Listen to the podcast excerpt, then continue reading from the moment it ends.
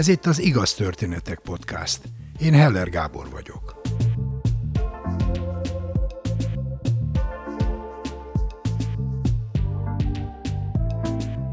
A félelemről és a megmagyarázhatatlanról szól a mai két történet. A félelem az élet természetes velejárója. Úgy is mondhatnám, aki nem fél, az nem él teljes életet. A kihívás tehát nem az, hogy kerüljük vagy elnyomjuk a félelmünket, hanem hogy szembenézzünk vele, megértsük és megtanuljuk kezelni. Ez persze könnyű mondani. Én például személy szerint biztos nem vállalkoznék arra, amiről Zinger Magdolna mesél a következő történetben. 53 éves voltam, amikor a szigeten ott álltunk a férjemmel, és vártuk, hogy összerakják a bungee jumpingot, mert az volt az elképzelésem, hogy majd én leugrok róla. Az azért, mert hogy szembe akartam menni a félelmeimmel, mert úgy gondoltam, hogy én annyira gyáva ember vagyok, hogy én még a pincébe sem merek sötétbe lemenni. Gondoltam, na majd akkor ez megoldja. Egyszer is mindenkorra, ha egyszer leugrok, akkor onnantól már én egy bátor ember leszek. Én voltam az első ugró, és hát elég hosszan várni kellett, amíg végre összerakták. És akkor leugrott először, a, aki összerakta, vállalva a kockázatot, és jöttem én. Amíg rakták össze, addig én néztem fölfelé, és azt gondoltam, hogy ah, nem lesz ez olyan nagy ügy, ah, mi ez nekem, hát végül is mindenki leugrik, elkap a kötél, gumikötél, nem olyan nagy ügy ez. Lentről nézve valóban nem volt nagy ügy. De aztán beleálltam abba a kis ketrecbe, férjemmel együtt, aki tartott egy filmfelvevőt, és hogy hú, majd ő le, lefilmez engem, és elindultunk felfelé, és csak mentünk, és csak mentünk, csak mentünk, és aztán azt vettem észre, hogy nem merek lenézni, és hogy halálosan meg vagyok rémülve, és hogy attól, hogy nem, nem akartam lenézni, megmerevedett a nyakam, tehát úgy álltam, mint aki karót nyelt. És akkor a férjem egy kicsit mögöttem állt, és mondta, hogy egy mosolyt a kamerába, mire én ilyen lebénult nyakkal így elfordultam felé, és egy ilyen grimaszos mosolyt bírtam produkálni. Na, felértünk, és azt mondta az az úr, aki kísért minket, hogy hát csak fejjel előre lehet, mert egyébként, ha talpasat ugrok, akkor oda locsan a fejem a tartó oszlophoz, és akkor szétlocsan a fejem. És akkor így széttette a karját, és mondta, hogy részemről lehet. A férjem utólag elmondta, hogy ahogy mentünk fölfelé, ő arra gondolt, hogy ja, bocsánat, ez tévedés. hát lent, persze lent, még úgy gondoltuk, hogy ezt meg lehet csinálni. Hát, de majd, majd mondja az én kis feleségem, hogy ó, hát nem, hát menjünk le, forduljunk vissza. De hát nem így történt, mert én ilyen tényleg ilyen halál megvető bátorsággal így előredöltem, és mint aki a krokodil szájába ugrik, olyan, tényleg olyan félelmet éreztem. Ezt nem is tudom elmondani, mennyire féltem. De leugrottam. Az volt a következő csalódás, hogy az a hír járja, hogy akkor ugye felszabadulnak a boldogsághormonok, mindenki boldog, amikor már sikerül, és mindenki sikoltozik, de boldogságában. Hát én nem, nekem ilyen nincs. Úgy látszik, nekem nincs ilyen hormonom, mert én végigrettegtem. Na akkor elkapott a kötél, a gumikötél, és fellódított ismét a csillagos égig, és akkor ezt újra át kellett élnem, meg újra, meg újra, persze egyre kisebb amplitúdukban, és amikor leértem végre, amikor már mm, lehaláztak, mert szó szerint, akkor meg az volt, hogy, hogy ott álltam, és tényleg, mint egy ilyen posztraumás stressz szindrómában szenvedő, én néztem fölfelé, nem tudtam mozdulni, csak úgy néztem föl, hogy hát én onnan, úristen, én onnan leugrottam, és még napokig tartott ennek a eufóriája, de rossz értelemben inkább. Hát és aztán csalódtam, mert nem tapasztaltam azt meg, hogy na, mostantól én egy bátor ember vagyok. Hát nem. Például nem ismételném ezt meg, azt a bátorságot nem lennék képes újra összeszedni. Na és hát ilyen csalódott voltam. És teltek megint az évek, és egyszer csak az történt, egy ilyen újabb kihívás került elém, hogy írta barátnőm egy vasárnap egy e-mailt, hogy menjünk együtt trekkingelni a Himalájára. Hát eszem ágába se volt, de visszaválaszoltam, hogy hát jó, jó ötlet. És ő jelentkezett, illetve én is jelentkeztem a kalantúra, vagy milyen utazási irodánál, és elkezdtünk gyakorolni, hogy edzettek legyünk, futottunk, túráztunk, majd egy szép napon írt a barátnőm egy SMS-t, hogy bocs, ő mégsem jön. Hát gondoltam, nem baj, hát majd megyek az utazási irodával, semmi gond. Pár hét múlva kaptam az utazási irodától is egy levelet, hogy hát sajnos nem jött össze a csoport. De hát gondoltam, most már akkor én elmegyek. Most már akármi is lesz, én elmegyek. Volt egy úti könyvem, ami arról szólt, Észak-Indiában, Little Tibetben volt ez a lehetőség, amit így kinéztünk, és arról volt egy úti könyvem, és abból próbáltam felkészülni. És elmentem egy túrázóboltba, hogy beszerezzem ezeket a felszereléseket. És akkor ott, ott olyan szakemberek vannak, olyan eladók, akik barlangászok, hegymászók, tehát ilyen mm, kipróbált, hétpróbás extrém sportolók. És akkor kérdezték, hogy, hogy egyébként melyik utazási irodával megyek. És mondtam, hogy egyedül megyek. És akkor nagyon nagyra nyitották a szemüket, majd amikor fizettem, akkor sorfalat álltak és meghajoltak.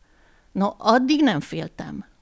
Addig nem féltem, gondoltam, lesz, ami lesz, de onnantól kezdve, hát mondom, úristen, de hát hú, lehet, hogy ezt nem lehet megcsinálni. Hát mindegy, megcsinálom. Nulla szervezés volt, egyszerűen csak megvettem a repülőjegyet, és felültem a repülőre, és elrepültem Ladakh tartományba, ahol két napon keresztül ilyen aklimatizációs betegségtől szenvedtem, nem tudtam felkelni az ágyból, mert annyira leterített ez a betegség, hiszen ahova megérkeztem, az egyből már 3500 méteres magasság volt, ami nekem szokatlan volt, illetve európai ember számára fogyaszthatatlan, és nagyon beteg voltam, és a motel igazgatója mindig bejárt, hozott nekem friss vizet, és beszélgettünk. És ő ellátott tanácsokkal, hogy hogy milyen is legyen ez a trekking, és lebeszélt arról, amit terveztem, egy sokkal hosszabb útról és nehezebbről, és javasolt egy rövidebbet, azt mondta, hogy az bőven elég lesz, higgyem el, az bőven elég. Ez a, ez a rövidebb út, ez öt napos volt. És ő hozta azt a kísérőt is, azt a fiatalembert, aki mellé társul szegődtem, és elindultunk lépés, levegővétel, lépés, levegő, mert annyira, de annyira megterhelő volt. Nem a magasság, én elég fit voltam, ez 55 éves koromban volt, és nem okozott gondot a, a normál levegőben való túrázás, de levegő nélkül azért elég nehéz. Úgyhogy tényleg az volt, hogy úristen, lépés, levegő, lépés, levegő. Egy pillanatig nem fordult meg a fejemben, hogy visszaforduljak, egyébként is hát az ugyanolyan nehéz lett volna, de azért fantáziáltam mindenfélét, hogy hú, itt legurulok, és akkor, amikor majd gurulok le, akkor, akkor meghalok, és vajon az egy könnyű halál lesz, vagy egy nehéz halál. Tehát azért voltak ilyen fantáziáim, meg hogy jön majd oda egy hópárduc, és akkor megkóstol engem. Tehát ilyen gondolataim voltak. És amikor meg kifejezetten halálfélelmem volt, az egy rövid jeeppel való közlekedés volt. Én ott majdnem megőrültem, mert az olyan volt, amit így lehet látni YouTube-on, ilyen, ilyen rettenetes utakat, hogy, hogy egyik oldalon szakadék van, a másik oldalon szikla, és annyira keskeny az út, és annyira kanyargós, hogy egyszerűen borzalmas. Na és akkor beültünk a jeepbe, és elindultunk, és akkor mondtam, hogy, hogy jaj, hát én nagyon-nagyon félek, én, én rettegek, jaj. És akkor erre az volt a válasz, hogy kössem be magam. Ha, mondom, nagyon jó, akkor bekötötten fogjuk, fogunk lezuhanni a mélységben. Úgyhogy borzalmasan rettegtem, és nem tudom a mai napig megfejteni, hogy mi történt, de körülbelül 5-10 perc után úgy elmúlt a félelmem, hogy gyakorlatilag totálisan megszűnt és ellazultam, és tudtam élvezni a csodálatos látványt, a hegyeket, a völgyeket, a szakadékokat, a sziklákat, a madarakat, az állatokat, a monguszt, meg mindent. Nagyon jó zene szólt a rádióban, tehát nekem ez olyan szép élmény volt. Azóta sem múlt el a félelmem, tehát eh, nem oldódtak meg ettől a két eh, kihívástól végérvényesen, viszont azt gondolom, hogy minden ilyen tett, amit képesek vagyunk meglépni, az valahogyan erősíti a gerincünket, tehát hogy bennünk marad valahogyan az a tartás. Még hogyha a félelem is ott van, de mégis rendelkezünk egy tudással, hogyha szembe merünk menni, akkor végül is képesek vagyunk.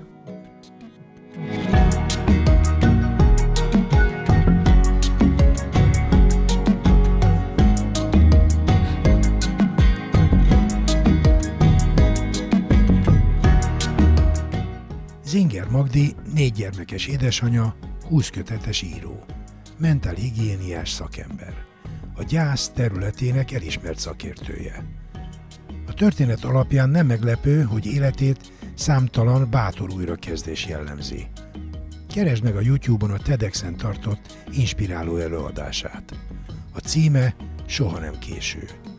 Én nagyon szerettem. Biztos neked is sok erőt ad majd.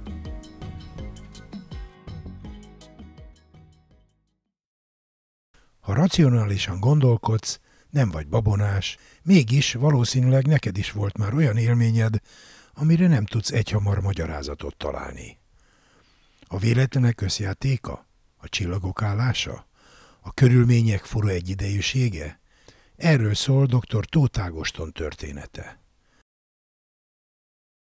1998-ban vagyunk, egy februári napon, és hát vannak ugye ezek a nagyon, nagyon csúnya februárok, tehát ezek a ködös, hidegnyirkos, sáros, nedves februárok, mindenütt ilyen nedves latyak, és ahogy így kijövök reggel a házunkból, és elindulok a, a busz felé, olyan valamilyen furcsa hangot hallok, ilyen nagyon halkan, ilyen gágá, gágá, gágá, és úgy, úgy, úgy, úgy körülnézek, hogy mi ez, és aztán hogy fentről jön, és hogy felnézek az égre, és azt látom, hogy vadlibák repülnek a fejem fölött, északi irányban, úgy, ahogy az kell, V alakban, és közben hát úgy gágognak.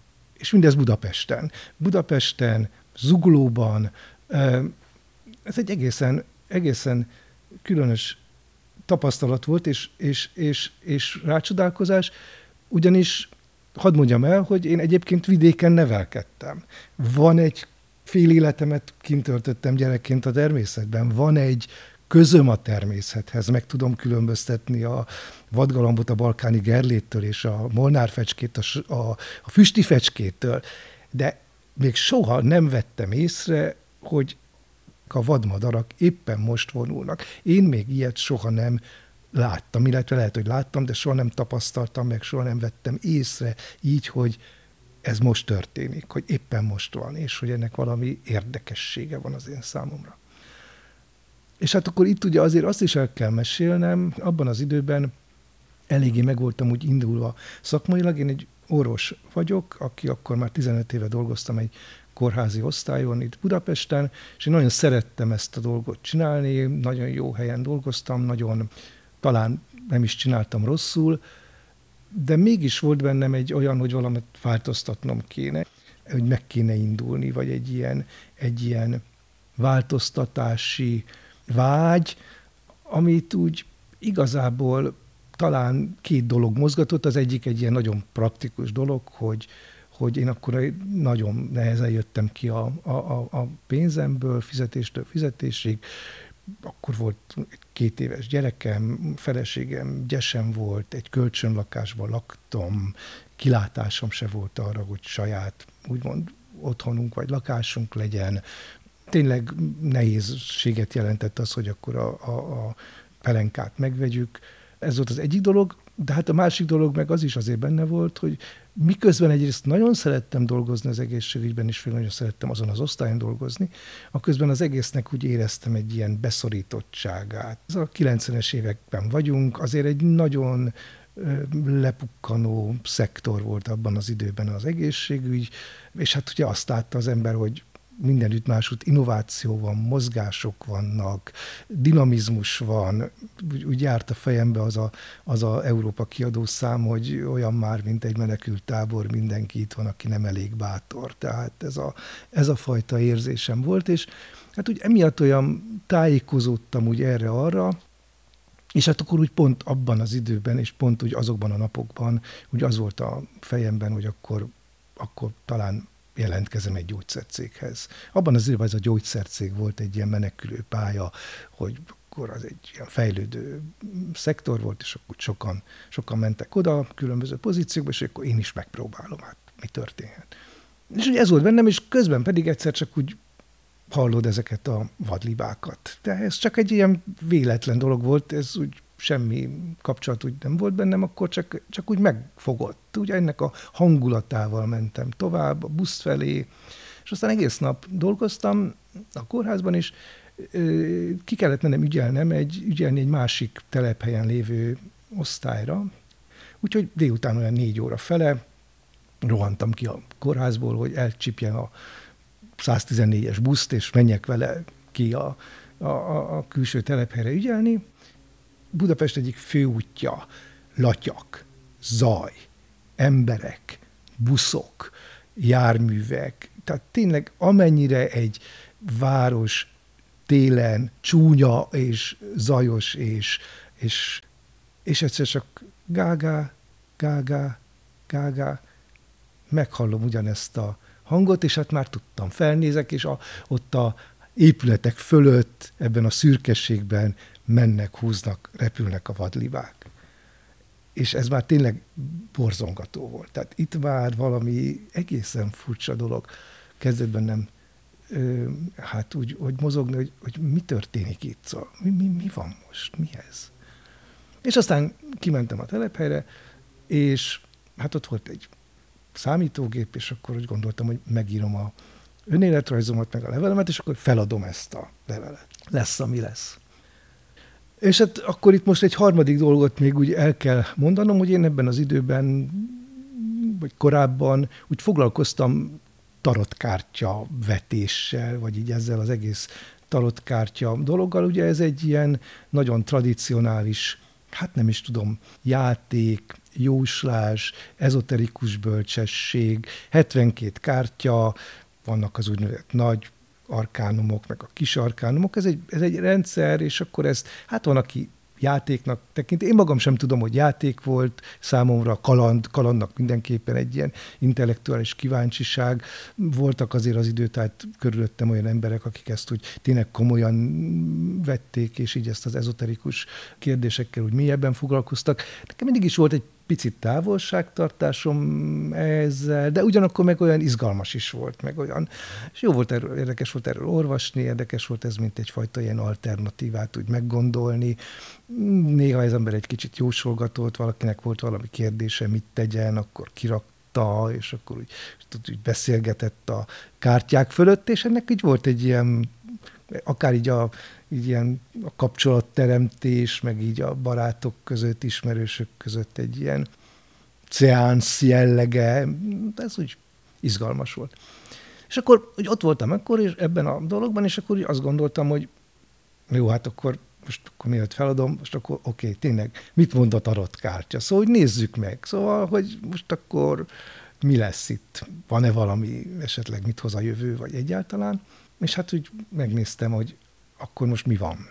És hát a Botok 8-as kártya jött ki, a mostani helyzetre, vagy hát az aktuális helyzetre vonatkozóan, amit én nem tudtam, hogy mit jelent, mert én annyira azért nem értettem hozzá, hogy ezeket ennyire részleteiben, pláne ezeket úgynevezett kis arkánum lapokat tudjam, úgyhogy fölcsaptam a orákulumot, hogy megnézzem, hogy ugyan mit ír a Botok 8-asról, és a Botok 8-asról a következőt írta az orákulum, hogy ez a kártya tulajdonképpen csak annyit mond, hogy valaminek eljött az ideje.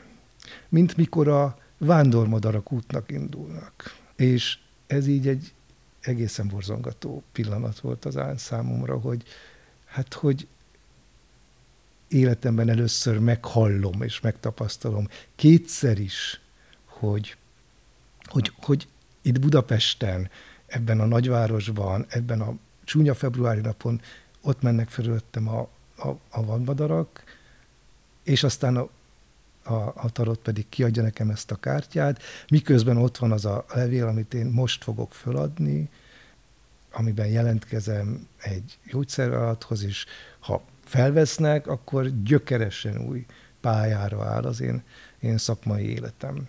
És én ezt feladtam egy szerdai napon, és rákövetkező pénteken, addigra öt interjún voltam túl, és rákövetkező pénteken megkaptam az ajánlatot a gyógyszercégtől, ahol én máig dolgozom, 25 éve.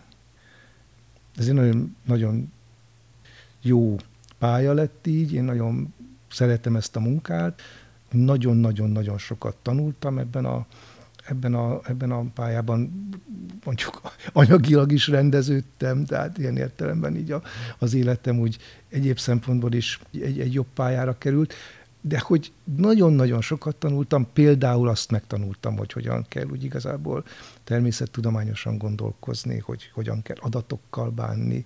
Mondhatom, hogy tulajdonképpen egy, egy, egy racionális, ha úgy tetszik, ilyen nagyon tudomány szempontú, természettudományos gondolkodású pályára állt az életem, amit én nagyon szeretek, és nagyon otthon érzem magam benne.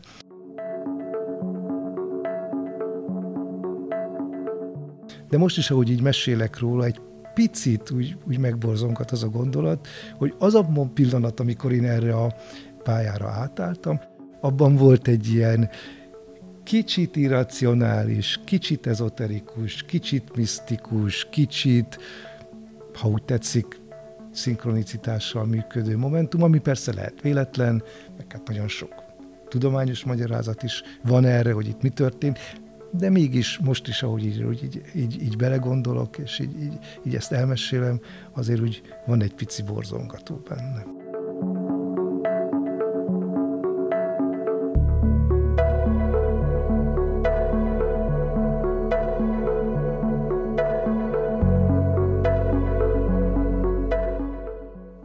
Ágoston belgyógyász, pszichiáter.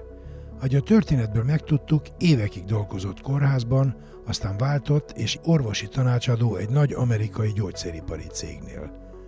Emellett Magyarországon és több közép-kelet-európai országban tart oktatásokat a központi idegrendszeri betegségek és a klinikai immunológia területén.